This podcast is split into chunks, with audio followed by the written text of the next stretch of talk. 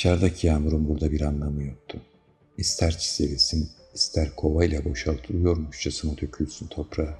Fark etmezdi.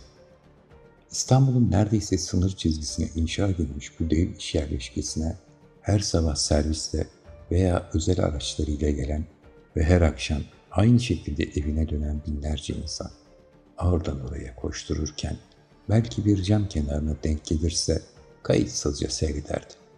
O kadar. En fazla tiryakiler geniş bahçede tur atarak tüttürmek yerine biraz daha sıkışık bir alanda olmanın rahatsızlığını yaşardı. Ama kübüklerine döndüklerinde çoktan unutmuş olurlardı bunu da. Efe karşıdan ona doğru yaklaşan beyaz gömlek üzerine kırmızı hırka giymiş kadına hevesle ''Zeynep şu yağmura bak'' dedi. Havanın, ortamın, iş hayatının hatta tüm evrenin kasvetine zıt bir neşeyle. Kıvırcık saçlı, uzun boylu kadın elindeki büyük beyaz poşetle koşar adım genç adamın yanına geldi. Tam şu halini çizmek isterdim kampüsün bak. Puslu puslu, hazır malzemelerim de yanımda. Benim de hayal çarklarım dönmeye başladı mesela. Düşünsene, aniden yerdeki tüm damlalar tekrar yukarı çekiliyormuş. Yukarı mı? Neden? Bilmem, bakteriler yüzünden olsun. Nasıl yani? Havadaki bazı bakterilerin yağmur yağdırma kabiliyeti olduğunu duymuştum. Benim bakterilerimde tam tersi. Yağmuru emiyor olsun. Halemsin Efe. Genç adam her zamanki halim dedi muzipçe gülerek. Dışarıdan bakıldığında hiçbir enteresanlığı olmayan çekingen bir gençti Efe. Onu olması gerektiği kalıba sokan siyah bir takım elbise giymişti. Gri kravatı hafifçe gevşekti. Elinde iki ayrı firmanın eşantiyon olarak dağıttığı defter ve tükenmez kalem vardı. Onları algılayan ve harekete geçen yürüyen merdivene doğru aynı anda adım attılar. Üç kat aşağı inip kampüsün öte ucundaki kafeye yürüyeceklerdi. Bu da tüm merdivenler çalışırsa tam 3 dakika 19 saniyelik yolculuğa denk geliyordu. Yine tam olarak bu noktada buluştukları bir gün eğlencesine kronometre tutmuş ve bu değeri elde etmişlerdi. Kendilerini basamaklara emanet ettikten sonraki 3 dakika 19 saniye içerisinde şunlar oldu. Zeynep Küçük kızı Elif'in önceki gün evin salon duvarını keçeli kalemle nasıl boyadığını anlattı.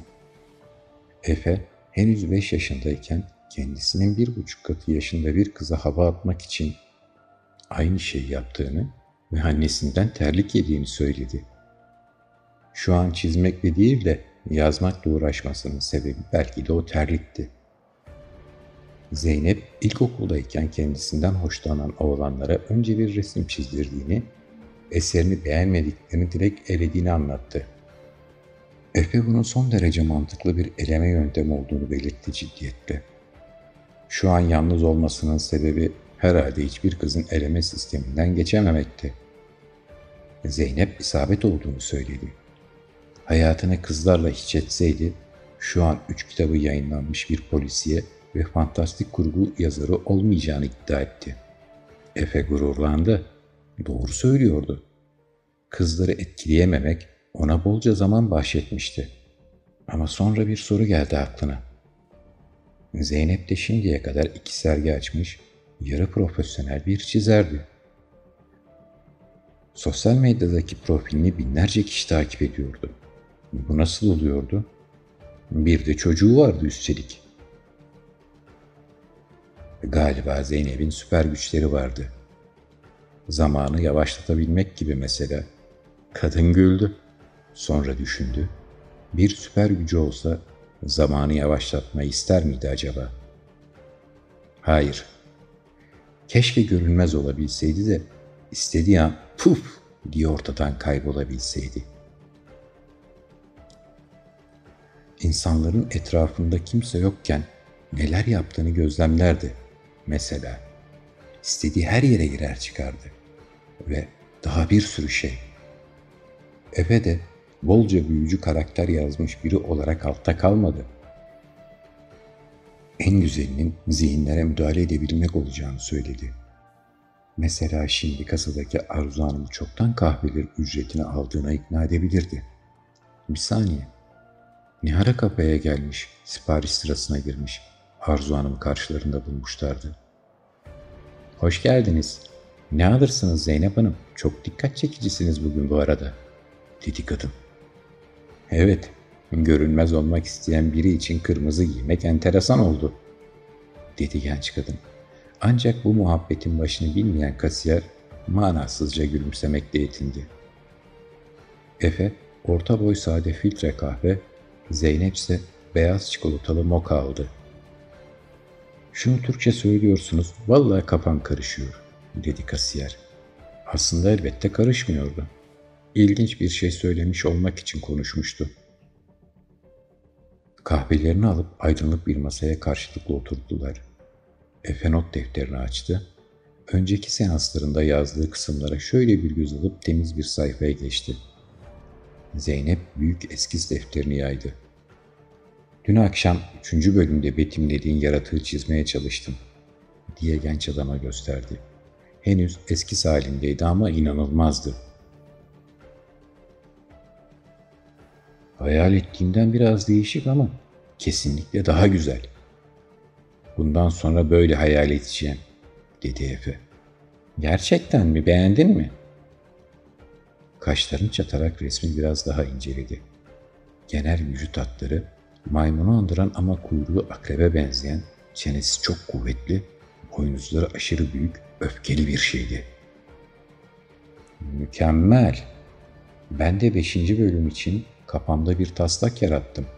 Dün akşam banyo zeminindeki şekillere bakarak dedi. Güzel dedi Zeynep. Şimdi onun üzerinden konuşalım. Aklımıza yatmayan yerler olursa değiştirelim.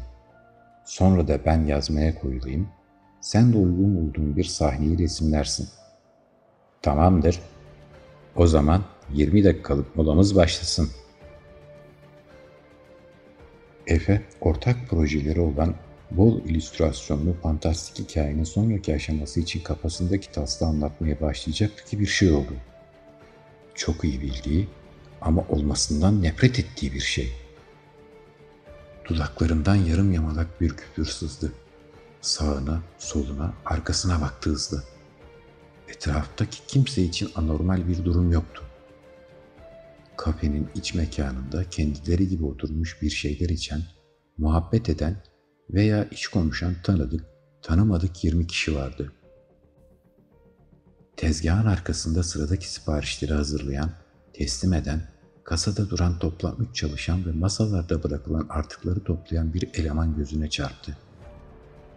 Dışarıda ise dev şemsiyelerin altındaki masalar sigara içen ya da onlara eşlik edenlerce işgal edilmiş durumdaydı. Hava yağmurlu da olsa ılıktı. İnsanlar dışarıyı tercih etmişti. Islanmamak için duvar dibine sığınmış, beyaz bir kedi ise ön patisini yalıyordu. Problem herkesin görmediği öteki gerçeklikteydi. Zeynep'in sesi ağır çekimde bir şey mi oldu diyordu bu arada.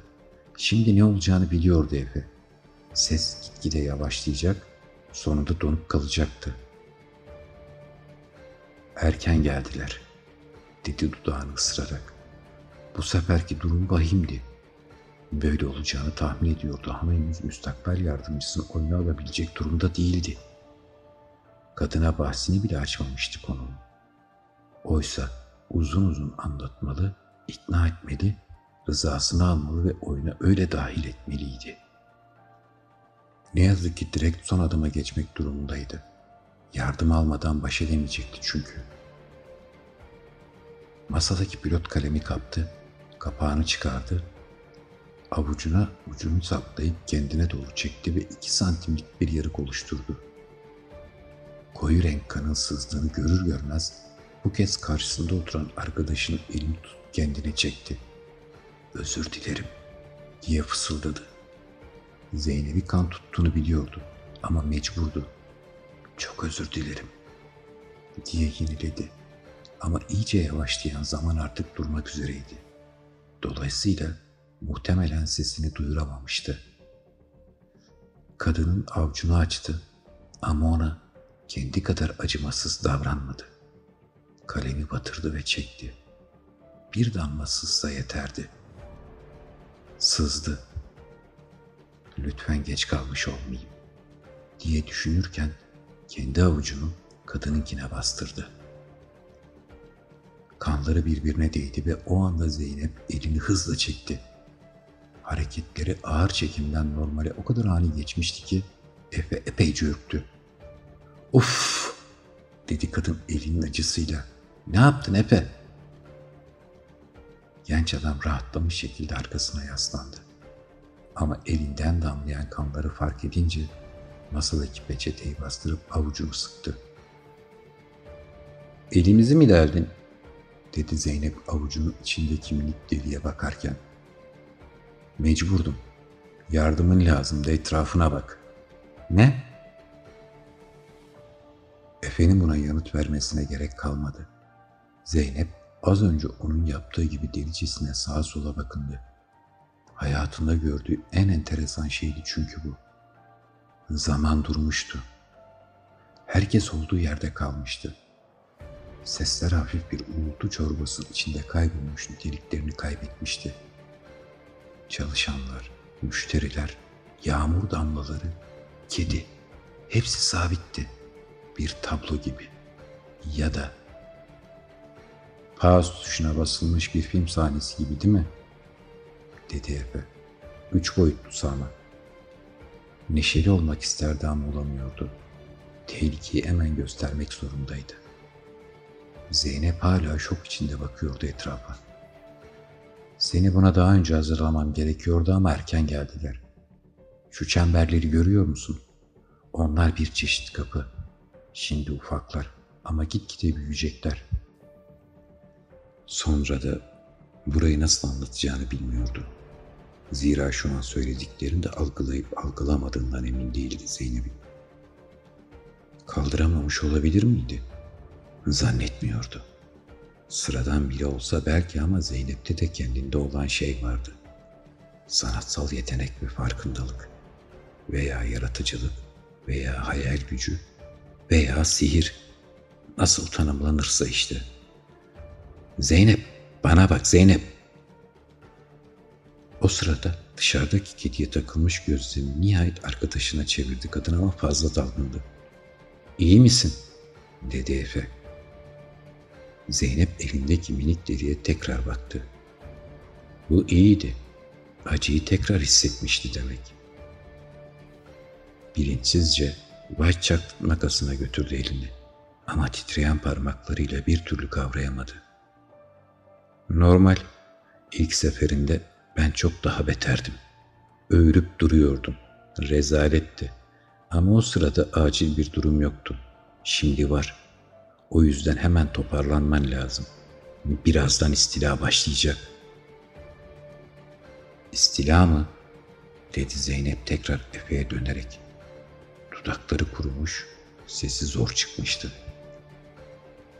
Şu etrafımızdaki minik çemberler genişliyorlar görüyor musun? Bir şeyler oradan geçip bizim dünyamıza sızacak. Nasıl şeyler? Göreceksin. Şimdi onları tarif etmekte zaman kaybedemem. Senden şunu istiyorum. Ortaya çıktıklarında onlara zarar verebilecek bir şeyler hayal et. Silah olur, ok olur, ne bileyim sapan falan olur fark etmez. O kadar konsantre bir şekilde hayal etmen lazım ki gerçeğe dönüşsünler. Zeynep geriye yaslanıp başını iki yana salladı. Efe sen ne anlatıyorsun? Genç adam öyle aniden ayağa fırladı ki neredeyse sandalyesini devirecekti. Sağ elini kaldırdı ve parmaklarını C şekline getirdi. Avucunun içinde imkansız bir şekilde öne ve arkaya doğru hızla uzayan kahverengi bir mızrak oluştu. Efe mızrakla birlikte gerildi ve Zeynep'in yarım metre kadar sağ çaprazına doğru fırlattı. Kadın küçük bir çığlıkla eğildi ve gözleriyle takip etti. Arka çaprazındaki masanın üzerinde açılmış bir portaldan fırlayan domuz benzeri bir yaratık pat diye yere düştü. Kafasına isabet etmişti gayipten gelen mızrak. Birkaç saniyelik çırpınışın ardından canavar da silah da buhara dönüşürcesine yok oldu. Zeynep şok olmuş gözlerle genç adama döndü. Devamı gelecek, yardım etmen lazım, dedi Efe. Elinde yeni bir mızrak belirmişti. Onu da tezgah tarafındaki başka bir çembere doğru fırlattı. Karga büyüklüğünde ama kuştan ziyade sürüngene benzeyen bir yaratık kanadından vurulup aynı şekilde yok oldu. Efe birkaç saniyelik boşluğu değerlendirerek daha karmaşık ve güçlü bir silah hayal etmek için gözlerini kapadı. Zeynep adamın ellerinde devasa bir makine tüfeğin yavaş yavaş belirişini izledi. Ama bu silah alışıldık şekilde siyah renkli değil, yıldız desenli ve lacivertti. Oyuncak gibi görünüyordu. Efe gözlerini açar açmaz kafenin giriş yönünden sonra da tuvalet tarafından ve dış mekana açılan kapılardan gelen onlarca çeşit yaratığı ustaca taramaya başladı. Zeynep kulaklarını kapatıp masanın yanına çöktü. Üç bacaklı deve benzeri yaratıklar, vücudunun her yeri boynuzlarla kaplı gergedanlar, dev beyaz karıncalar, iğneli kelebekler her yerdeydi. Çemberler büyümüş, ikişer metrelik geçitler haline gelmişti. Efe durmaksızın ateş ediyordu. Şarjörü boşalmıyordu ama yorulmadan bunu ne kadar sürdürebilirdi ki? Birkaç dakikalık kaostan sonra Efe'nin hepsine yetişememeye başladığını gördü Zeynep. Masalar devrilmiş, camlar parçalanmış, tezgah yıkılmış, duvarlar haşat olmuştu. Zaman normale dönerse bu hal nasıl açıklanacaktı acaba? Bazı insanların kollarının, bacaklarının, hatta kafaların artık yerinde olmadığını fark ettiğinde öyle bir çığlık koyuverdi ki kendisi de şaşırdı. Zaman akmadığından ortalık kan gölü değildi ama bu durumu daha iyi değil, daha dehşet verici hale sokuyordu. Aynı anda Efe ona bakıp silahını çevirince genç adamın kendisini de öldüreceğini sandı. Ama yarasa benzeri bir yaratık önüne düşünce hedefinin o olduğunu anladı. Yarasa buharlaşırken Efe bir şeyler söylemeye çalışıyordu ama duyamıyordu Zeynep. Sebebinin hala devam eden kendi çığlığı olduğunu anlayınca sustu. Malzemelerini al dışarı çıkıyoruz. Ne? Kalk al malzemelerini yardımın lazım hadi. Zeynep etrafındaki yaratıkların temizlendiğini, onların çıktığı tuhaf deliklerin de kapandığını görüp rahatladı. Sadece tuvalet tarafında birkaç ufak solucan tipli yaratık kalmıştı. Malzemeleri ne yapacağız? Dedi boğazı ağrmıştı ertesi gün sesi kısılacaktı belki. Ertesi gün diye bir şey olursa tabii. Sonuçta zaman hala bir yerlere demir atmış vaziyetteydi. Birazdan kafenin dışında yeni portallar açılacak. Hep böyle olur. Daha güçlüleri gelir. Birazdan kafenin dışında yeni portallar açılacak. Hep böyle olur. Daha güçlüleri gelir. Bu daha hiçbir şey değildi. Sana gerçekten çok ihtiyacım olacak. Bu konuşma sırasında tuvalet tarafında birkaç atışla temizlemişti. Tüfek tıpkı az önceki mızraklar gibi yok oldu. Demin hayal ederek silah üretmeni söylemiştim ama o zor. Önce kendi sanatından başlaman lazımdı elbette. Birdenbire çok fazla şey istedim. İlk başta çizerek üreteceksin silahlarımızı. Çizerek mi? Ben mi?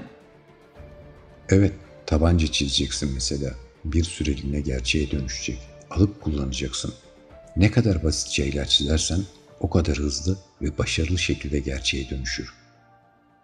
Havada asılı kalmış yağmur damlalarını elleriyle, yüzleriyle, tüm bedenleriyle iterek dışarı adım attılar. Zeynep olanları mantık çerçevesinde uzun uzun değerlendirmekten, olan bitene şaşırmaktan, paramparça olmuş insanların midesini kaldırmasına müsaade etmekten vazgeçti. Derin bir nefes aldı ve kendini bu tuhaf duruma adapte etmeye çalıştı. Yıllardır neler neler hayal etmiş, beynini asla antrenmansız bırakmamış bir insandı. Üstelik kendisine benzeyen biri ona güveniyor, ondan yardım istiyordu. İki boş sandalye bulmayı başardılar ve masalardan birinin üzerindeki her şeyi yere süpürüp kendilerine bir yaratma üssü oluşturdular. En fazla iki dakikamız var. Sonra şu çimenlerin üzerinde birkaç. Oo şimdiden oluşmaya başlamışlar baksana. Kaç tane sayıyorsun? Yirmiden fazla. Şimdiye kadar en fazla dört tane olurdu burada. Efe zaten gerginim böyle şeyler söyleme. Tamam tamam. Hepsini en kısa sürede yok edecek silahlar üretmemiz lazım. O kadar hızlı ve vahşi olacaklar ki benim hayal etmem yetmeyecek. Senin de hayal gücünü kullanmanı istiyorum. Yaralanırsak sorun etme. Zaman normale döndüğünde her şey başa sarılacak. Sadece ikimizin hafızasında bir rüya gibi kalacak tüm olanlar. Ama ölürsek geri dönüşü yok mu? Efe tedirgince başını salladı. Peki içeridekiler? O kafası kolu kopanlar yani. Biz kazanırsak dönecek onlar da. Ne olduğunu bile anlamayacaklar. Kaybedersek zaten bir daha zaman diye bir şey olmayacak.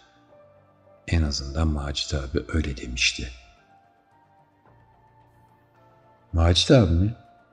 Macit Gökarslan, eski BT'cilerden. Birkaç sene önce ayrılmamış mıydı o? Onunla ne alakası var? Şu meseleyi atlatalım anlatacağım. Lafını bitirmedi. Çünkü Zeynep'in üzerine 3 metrelik bir çekirge düşmek üzereydi. Yıldırım hızıyla bir ok ve yay ikilisi yaratıp böceğin karnına hedef aldı Efe. Ok havadayken üçe ayrıldı ve üçü de çekirgeye değer değmez şiddetle patladı. Yaratık yere düşmeden buharlaştı. Zeynep çizmeye başlasan iyi olacak çünkü bir tane de şuradan geliyor dedi Efe bahçenin uzak tarafını işaret ederek.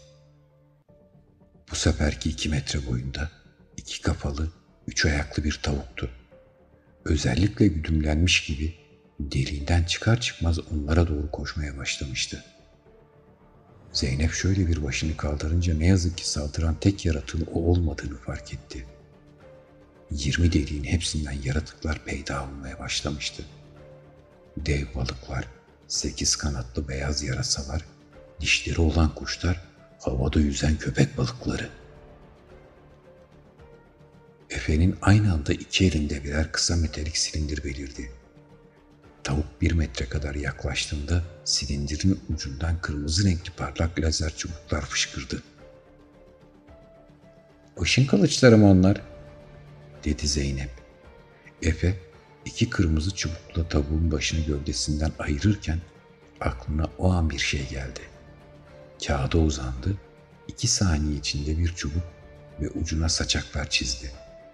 Ardından kuru boyaların içinden altın rengini çıkardı ve arka arkaya minik yuvarlaklar çizmeye koyuldu. ''Ne yapıyorsun?'' dedi Efe. Bir filin tepmesiyle masanın üzerine devrilmekten son anda kurtulmuşken. Ben de kendi tarzımda oyuna dahil oluyorum, dedi Zeynep ve ayağa kalktı. Kağıdı tutup sallayınca imkansız bir şekilde masanın üzerine yüzlerce altın renkli minik küre yuvarlandı. Son olarak siyah renkli büyükçe bir süpürge kağıttan gerçekliğe attı. Zeynep bir mucizeye bakıyormuş gibi gülümsüyordu. Oldu. Gerçekten inanamıyorum oldu bu. Onlar ne? dedi Efe. Bir elinde Kaptan Amerika'nın kalkanı, diğerinde Thor'un mücronu vardı. Çekici fırlatıp fırlatıp tekrar çağırıyordu. Dev bir süper kahraman savaşı sahnesine dönmüştü ortalık. Uçan süpürge, dedi Zeynep ve uzun siyah çubuğun üzerine oturdu, ayaklarını üzengi niyetine hayal ettiği çengellerin üzerine yerleştirdi ve havalandı. Aynı anda yerlere dökülmüş yüzlerce altın toptan ikişer zarif kanat çıktı ve bir sinek kuşunun neredeyse görünmeyecek kadar hızlı kanat çırpışını andıran hareketlerle havalanıp Zeynep'in peşinden uçmaya başladılar. Altın siniçler diye bağırdı Zeynep. Saldırın! Toplar sağa sola dağıldı ve etraftaki dev canavarlara mermi gibi çarpmaya başladılar. Her bir yaratık onlara dokunur dokunmaz el bombası gibi patlıyordu. Bu hamle 15 metrelik bir T-Rex'te bir uçan halının üzerinde çarpışan Efe'yi epey rahatlattı. 40 yıllık cadı gibi süpürgeyi kolayca yönlendiren Zeynep, Zençleri düşünceleriyle yönlendirirken neredeyse kahkahalarla gülecekti. Hayatında en çok istediği şey oluyordu şu an. Sihir yapıyordu. Beş dakika sonra bahçedeki tüm yabancı yaratıklar tuzla buz olmuştu ve yere inen Efe aşağıdan sesleniyordu. Oysa Zeynep daha saatlerce uçabilirdi böyle. Tüm İstanbul'u gezip dönebilirdi ama arkadaşının endişeli sesi işlerin henüz bitmediğini hissettiriyordu. Usulca yere indi ve ayakları yere basar basmaz süpürge yok oldu. Bu kadarını beklemiyordum Zeynep, süperdin. Ama hemen kampüsün ortasındaki bahçeye gitmemiz gerek. Havuzların oraya mı? Evet, son savaş her zaman orada olmuştur ama buradan oraya geçerken yolumuzun üzerinde biraz daha temizlik işi olacak. Başka fikirlerin varsa onları da sana bırakabilirim. Ben de biraz dinlenmiş olurum. Zeynep arkadaşının sol kolunun yerinde metal bir protez olduğunu o sırada buharlaşınca fark etti. Koluna ne oldu? Timsah kafalı bir kaplumbağa yedi sorun değil. Savaş sırasında yeniden protez yaratırım. Acımıyorum. Gerçekten kopmuş gibi ama alışkınım. Zeynep yüzünü buruşturdu. Yolumuzun üzerindeki portallar açılmıştır şimdi. Silahlarını, yani kağıt kalemlerini topla istersen. Kadın ikiletmeden çabucak toparlandı ve koşar adım tekrar kafenin iç kısmına geçtiler. Orta bahçeye çıkmak için uzun bir koridor aşacaklardı. 1 dakika 27 saniyelik yürüme uzunluğundaydı. Normal yürüme temposuyla elbette. Oo, burayı hiç bu kadar kalabalık görmemiştim, dedi Efe koridora adım atar atmaz. Kedi boyutlarında akrep benzeri yassı yaratıklar iğne atsan yere düşmeyecek şekilde üst üste yığılmış kaynaşmaktaydılar. İkiliyi görür görmez ciyaklaya ciyaklaya onlara doğru yürümeye başlamışlardı. Zeynep defterini duvara yasladı, pilot kalemiyle üstün körü bir şey çizdi. Bana bir an önce düşünerek yaratmayı öğretmen lazım, dedi. Çizmek uzun sürüyor. Çizimi bitip kağıdı duvardan ayırdığı anda elinde kocaman itfaiye hortumunu andıran bir şey ve sırtında ona bağlı bir hazne belirdi. Hayalet avcıların teçhizatı mı bu? Çizimi bitip kağıdı duvardan ayırdığı anda elinde kocaman itfaiye hortumunu andıran bir şey ve sırtında ona bağlı bir hazne belirdi. Hayalet avcıların teçhizatı mı bu? Hayır, dedi Zeynep ve tetiğe bastı. Neredeyse ayaklarının dibine kadar yaklaşan yaratık yığına doğru yoğun bir alev huzması fışkırdı. Alev makinesi. Birinci Dünya Savaşı belgesinde görmüştüm, dedi. Ateş dalgası sadece en yakındakileri yakmakla kalmayıp arkadakilere de hızla bulaştı ve yaratıklar domino taşları misali sıralar halinde yok oldu. Ben hep makineli tüfek kullanıyordum burada, Seninki de iyiymiş, dedi Efe. Bundan sonra ne var? dedi kadın istenmiş koridoru hızla aşarken. Ben de bilmiyorum. Her seferinde farklı bir sürprizle karşılaşıyorum. Her seferinde derken kaç oldu bu? Oho, hayatım böyle geçiyor benim. Üç ayda bir desek beş senede yirmiden fazladır herhalde.'' Şaka mı yapıyorsun? Hayır. Koridoru aşıp onları yeniden açık havaya çıkaracak kapıya ulaştılar. Duran yağmur damlalarının içinden yürüyerek kampüsün büyük avlusuna eriştiler.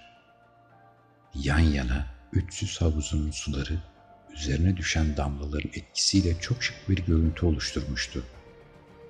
Ağaçlar hafif rüzgarda kuzeye doğru kaykılmış, öylece kalmışlardı. Yerdeki çimenler de aynı şekildeydi. Kim bilir hangi sebeple dışarıda bulunan takım elbiseli üç adam iki blok arasında koştururken yakalanmıştı zaman felcine. Efe bu ortamda defalarca savaşmış, yüzlerce kişinin yaratıklarca öldürülüşüne ve her seferinde geri dönüşlerine tanık olmuştu. Bu kez yağmur sayesinde ortalık hemen hemen ıssız ve kasvetliydi. Godzilla büyüklüğünde bir yaratık da belirse, uzaydan dev bir robot da inse, havuzdan kutulu da fırlasa pek can alamayacaktı. Şimdi ne gelecek çok merak ediyorum, dedi Zeynep kağıt ve kalemi hazırdı. Sen fazla mı havaya girdin? dedi Efe kopmuş kolunu göstererek. Hem de nasıl? diye acı acı gülümsedi Zeynep. Vallahi ben az eğlenmedim ilk zamanlarda. Su tabancasıyla bile yok edebileceğimiz kadar zayıf saldırıyorlardı ama. O sırada sol taraflarındaki bir hareketlilik ikisine de irkiltti. Onlara doğru hızla koşturan bir şey vardı ama tuhaf bir yaratık falan değildi. Saçları kırlaşmış, kot pantolon ve deri ceketli, orta yaşa yakın bir adamdı. Macit abi, benim Efe benim, dedi adam. Sağ elini önce ona ardından Zeynep'e uzatarak. Nefes nefese kalmıştı. Hatırlıyorum sanki sizi. Zeynep ben demekle yetindi kadın tokalaşırken. Muhafızların arasına hoş geldiniz o zaman. Bugünkü gibi bir kaosla başlamak pek hoş olmamıştır gerçi. Abi diye araya girdi Efe. Burada ne işin var senin? Avustralya'da değil miydin? Evet. Ee, bu sefer yardıma ihtiyacın olacağını düşündüm. E orası başka birine emanet ettim merak etme. Şimdi burası daha kritik. Fark etmişsindir ne kadar şiddetli geldiklerini. Hiç fark etmedim abi. Kolumda yanlışlıkla koptu zaten. Dalga geçme lan. Bu sefer tek bir noktadan güçlü saldırıp oradan yayılmayı planlıyorlar. Allah Allah. Biraz zekaları varmış demek ki. Sanırım çocuk büyüyor Efe. O ne demek ya? Çocuk ne? Hmm, senin haberin yok tabii. Çin'den bir muhafızın enteresan bir teorisi var. Kardeş ev ölçeğini biliyorsun değil mi? Herhalde abi bilim kurgu yazmışlığım da var. Zeki uygarlıkları enerjiye hükmetme seviyelerine göre sınıflandıran bir ölçek işte. Tip 1, tip 2 diye gidiyor. Evet, bizim insanoğlu olarak henüz tip 1 bile olamadığımız bir cetvel. Ne olmuş abi kardeşim ölçeğine? Şimdi sağdan soldan saldıracaklar. Sen goy goy mu yapıyorsun? Ne yapıyorsun? Sus lan. Bir tarafın mı kalktı oğlum iki günde? Affedersiniz Zeynep Hanım. Neyse dur teoriyi anlatıyorum. Bu anlamsız saldırıları ona yoruyorlar. Bazı somut kanıtları da var gibi konuşuruz sonra. Evrenler arası seyahat edebilen uygarlık diyorsun. Evet, olabilecek en yüksek seviye. Zaman, mekan mevzusunu yiyip bitirmiş uygarlıklar. Saldırı biçimi. Bizim veletlerin oyun şekline çok benziyor. Saçma sapan yaratıklar uydurup rastgele saldırıyor. Sonra da seyreyle gümbürtüyü. Çocuk büyüdükçe de biraz daha zekice hamleler yapmaya başladı diyor. Şimdiki gibi mi? Aynen. Bilemedim. Tuhaf ama mantıklı gibi de. Belki iki yaşında bir çocuk kendi evreninde duvarlara bir şeyler çizip duruyordur. Bazı kurgu kitaplarda böyle fikirler okumuştum. Ama hangileriydi acaba aklıma gelmiyor şimdi. Macit huzursuzca etrafa bakındı. Zeynep Hanım, siz de ne kadar büyük bir sorumluluk aldığınızı fark etmişsinizdir sanırım. Biraz, dedi kadın. Çok hızlı oldu her şey. Benimki de öyle olmuştu, dedi Efe. Sularda işerken enseme raptiye gibi bir şey batırmıştı Macit abi. Kanlarımız öyle birleşmişti. Orta yaşlı adam içtenlikle güldü. Zeynep o sırada Efe'nin başını hayal kırıklığıyla iki yana salladığını ve sağlam tek elinde kısa bir bıçak belirdiğini fark etti. Genç adam hızla Macit'in arkasına geçti ve bıçakla gırtlağını baştan başa kesti. Adam şaşkınca elini boğazına götürdü. Kan akmıyordu ama birkaç saniye sonra buharlaşmıştı. Diğer tüm yaratıklar gibi. Efe ile Zeynep göz göze geldiler ve kendilerini kafedeki masada buldular. İnsan sesleri kahve makinesi gürültüsüne karışıyordu. Her şey başladığı gibiydi. Zeynep bir anda başının döndüğünü ve midesinin bulandığını hissetti. Koşarak tuvalete gitti. Peşinden kalkan Efe'ye eliyle yardım istemediğini işaret etti. Fena oldum biraz pardon, dedi birkaç dakika sonra döndüğünde. Çok iyi kotartın Zeynep. Macit Bey aslında Macit Bey değil miydi? Değilmiş. Nasıl anladın? Bilmiyorum. Daha ilk anda garip geldi.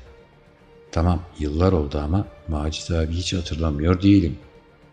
Bahçedeki malum büyük savaşın çıkması da hiç bu kadar gecikmemişti. İşin içinde bir bit olduğunu anladım. Ama daha önce böyle karmaşık bir şeyle de karşılaşmadığımdan tereddüt ettim. Pisuvar mevzusu yalandı bu arada. Yaratık tüm hafızasını kopyalayamamış herhalde. Ona tepki vermeyince emin oldum. Çocuk teorisi bilmiyorum. Belki de doğrudur anlattığı. En yakın zamanda diğer muhafızlarla konuşacağım. Gerçi sen de artık bizdensin. Beraber ilerleriz mevzuyu. Önündeki hala soğumamış kahveden bir yudum aldı. İşimiz daha zor artık. O biraz korkutuyor beni. Şu iki yan masadaki uzun saçlı kızı görüyor musun? dedi Zeynep. Gözlerini kısarak baktı Efe. Evet. Heykelle uğraşıyor. Çok yaratıcı işleri var. Uzaktan tanıyorum ama biraz daha yakınlaşabiliriz. Efe güldü. Deneyelim bakalım. Bu arada kalkalım istersen yavaş yavaş. Süremiz dolmuş. İkisi de birkaç dakika sonra kübiklerinde bilgisayarların başında maillerini kontrol ediyorlardı.